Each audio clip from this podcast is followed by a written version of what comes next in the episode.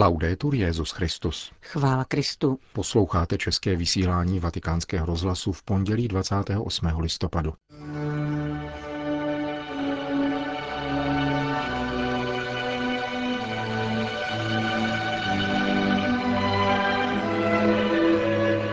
Při raní v kapli domu svaté Marty kázal dnes papež František o velkém překvapení, kterému jdeme vstříc. Svatý otec přijal 60 účastníků plenárního zasedání Papežské akademie věd.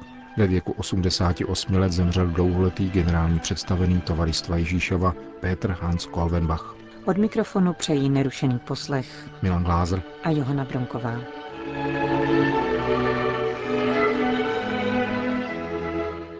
Zprávy vatikánského rozhlasu. Vatikán.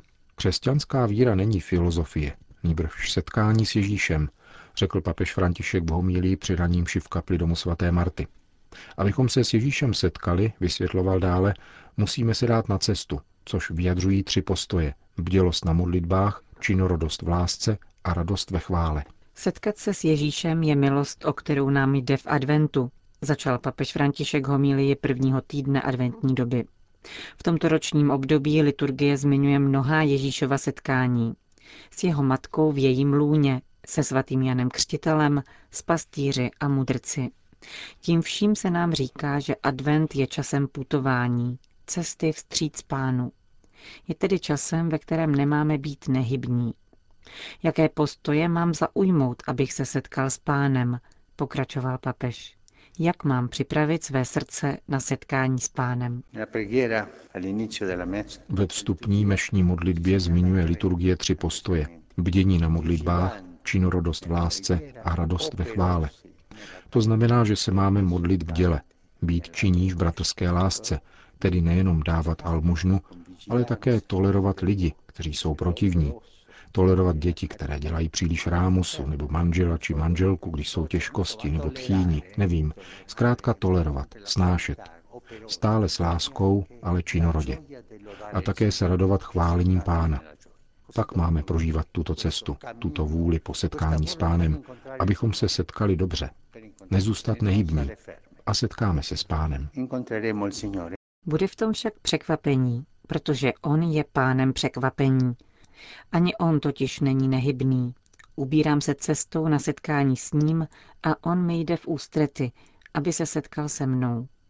A když se setkáme, pokračoval Petrův nástupce, úžasneme, protože zjistíme, že on mne hledal ještě dříve, než jsem jej začal hledat já. A v tom je to velké překvapení ze setkání s pánem. On mne už hledal dříve. Vždycky je první. Jde svojí cestou, aby nás našel. To se také stalo setníkovi z Kafarnau v dnešním evangeliu. Pán vždycky zachází dál a předchází. My uděláme krok a on deset. Vždycky. Překypuje milostí, láskou a něhou a neochabuje, když nás hledá. Také v maličkostech. Někdy si myslíme, že setkání s pánem bude něco velkolepého, jako onen malomocný Syřan Náman, a nikoli jednoduchého. Také on byl velice překvapen způsobem božího jednání. Náš Bůh je Bohem překvapení. Bohem, který nás ustavičně hledá, očekává nás a žádá od nás pouze krůček dobré vůle. My máme mít vůli setkat se s ním, pokračoval papež. Potom nám pán v životě pomáhá a provází nás. Tolikrát sleduje, že se od něho vzdalujeme, ale dál na nás čeká jako otec na marnotratného syna. Tolikrát vidí, že se chceme přiblížit a jde vstříc našemu setkání. Je to setkání s pánem a toto setkání je důležité. Stále mne oslovuje, poznamenal František, to, co řekl papež Benedikt, že totiž víra není teorie, filozofie či idea, nýbrž setkání. Setkání s Ježíšem, Jinak, pokud ses nesetkal s jeho milosedenstvím, můžeš naspaměť recitovat krédo, ale nemít víru. Učitelé zákona věděli všechno. Všechno o dogmatice té doby, všechno o morálce té doby, všechno. Neměli víru, protože jejich srdce se od Boha vzdálilo. Buď se vzdálit, anebo mít vůli jít v ústrety. A toto je milost, o kterou dnes prosíme. Bože, náš Otče, vzbuď v nás vůli jít vstříc Tvému Kristu, dobrými skutky, Jít v ústřed Ježíši. Pamatujme tedy na milost, o kterou jsme žádali v modlitbě, bděním na modlitbách, činorodostí v lásce a radostí ve chvále. Tak se setkáme s pánem a budeme velice překvapeni.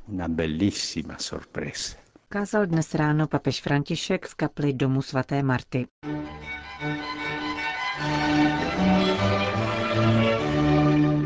Vatikán. Papeže Františka dnes navštívil pan Enda Kenny, irský týsíč, jak zní oficiální titul předsedy vlády Irské republiky. Podle tiskového prohlášení svatého stolce byly v srdečném rozhovoru připomenuty dějné vazby obou zemí a dále bylo poukázáno na trvalý přínos, který v Irsku zajišťuje katolická církev na poli vzdělání a sociální péče. Rovněž byl položen důraz na úlohu křesťanů ve veřejném prostoru, zejména při podpoře úcty k důstojnosti každého člověka, počínaje těmi nejslabšími a bezbranými. Konverzace poté pokračovala výměnou názorů o evropské situaci se zvláštním zřetelem k fenoménu migrace, zaměstnanosti mladých lidí a zásadním problémům politického a institucionálního rázu, které je evropský kontinent povolán řešit. Vatikán.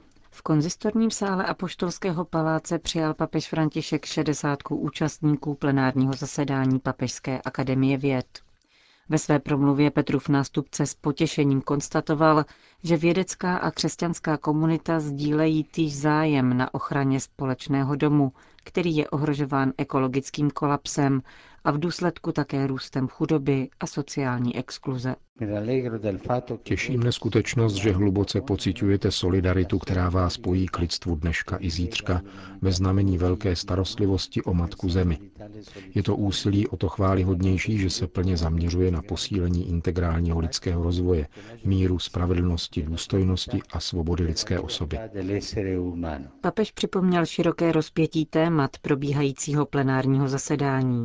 Od posledních objevů v oblasti kosmologie po otázku obnovitelných zdrojů až po problematiku umělé inteligence.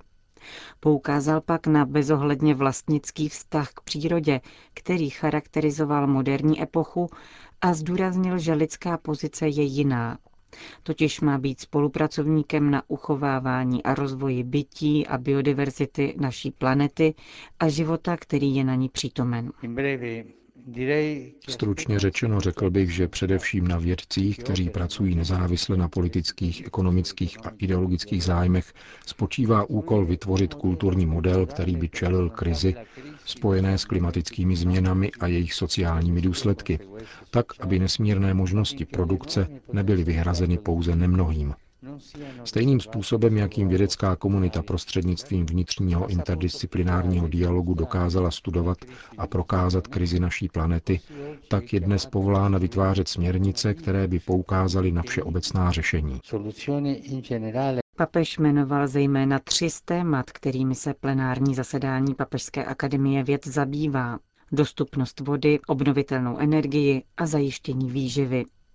Vědce vybídl, aby se podíleli na vypracování normativního systému, který stanoví nepřekročitelné limity a zajistí ochranu ekosystémů dříve než nové formy moci, založené na technoekonomickém paradigmatu, způsobí nevratné škody nejen na životním prostředí, ale také na soužití demokracii, spravedlnosti a svobodě. Papež upozornil také na slabou reakci mezinárodní politiky, pokud jde o vůli hledat obecné dobro. Podřízenost politiky, technologií a finančnictví oborům, které vyhledávají především zisk, se projevuje zejména v nesoustředěnosti či ve spoždění, pokud jde o aplikaci světových dohod o životním prostředí, jakož i v nepřetržitých válkách o nadvládu, skrývaných za vznešené požadavky, které působí stále závažnější škody jak na životním prostředí, tak na morálním a kulturním bohatství národů. Navzdory tomu všemu nestrácíme naději a snažíme se využít času, který nám pán dává, uzavřel svatý otec a vybídl vědce, aby se nechali vést morálními hodnotami a projektem udržitelného a integrálního rozvoje. Vatikán. S radostí vás přijímám v závěru tohoto mimořádného jubilejního roku, abych vám osobně poděkoval za vaši velikou práci. Oslovil dnes papež František 400 organizátorů a spolupracovníků, kteří rozhodnou měrou přispěli ke zdárnému průběhu svatého roku milosedenství. Do Klementinského sálu a poštolského paláce se dostavili zástupci Papežské rady pro novou evangelizaci a jiných vatikánských institucí, zejména Vatikánské stráže a švýcarské gardy, ale také představitelé italského ministerstva zahraničí, římské policie, magistrátu hlavního města a kraje Lácium. Byl to hutný rok, naplněný iniciativami v celé církvi, během kterého jsme mohli zahlédnout plody božího milosedenství a dotknout se jich rukama. Na počátku stálo prosté vnuknutí, ale pán nás vždy překvapuje a přesahuje naše očekávání. Ono původní přání se tak stalo skutečností, kterou jsme mohli ve velké víře a radosti slavit v křesťanských společenstvích rozptýlených po celém světě. Kromě snahy oficiálních institucí, které se zasloužily o bezpečnost a organizaci, papež připomenul mnohdy skrytou a tichou práci stovek dobrovolníků. Jak při bilanční tiskové konferenci uvedl arcibiskup Fizikela, v Římě se jich vystřídali čtyři tisíce. Dorazili ze 36 zemí a nejstaršímu bylo 84 let. Řím. V sobotu večer zemřel v Bejrútu otec Petr Hans Kolvenbach, dlouholetý generální představený tovaristva Ježíšova.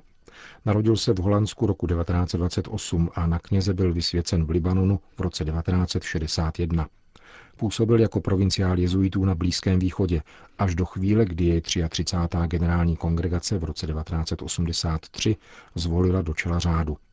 Generálním představeným tovaristva Ježíšova byl 25 let do roku 2008, kdy složil svůj úřad do rukou papeže Benedikta XVI.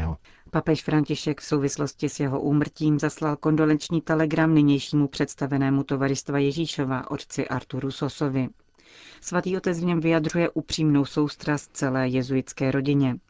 U zesnulého nizozemského spolubratra pak vyzdvihuje rizí věrnost Kristu a jeho evangeliu, která se pojila s velkorysým úsilím a duchem služby při výkonu úřadu, který zastával pro dobro církve.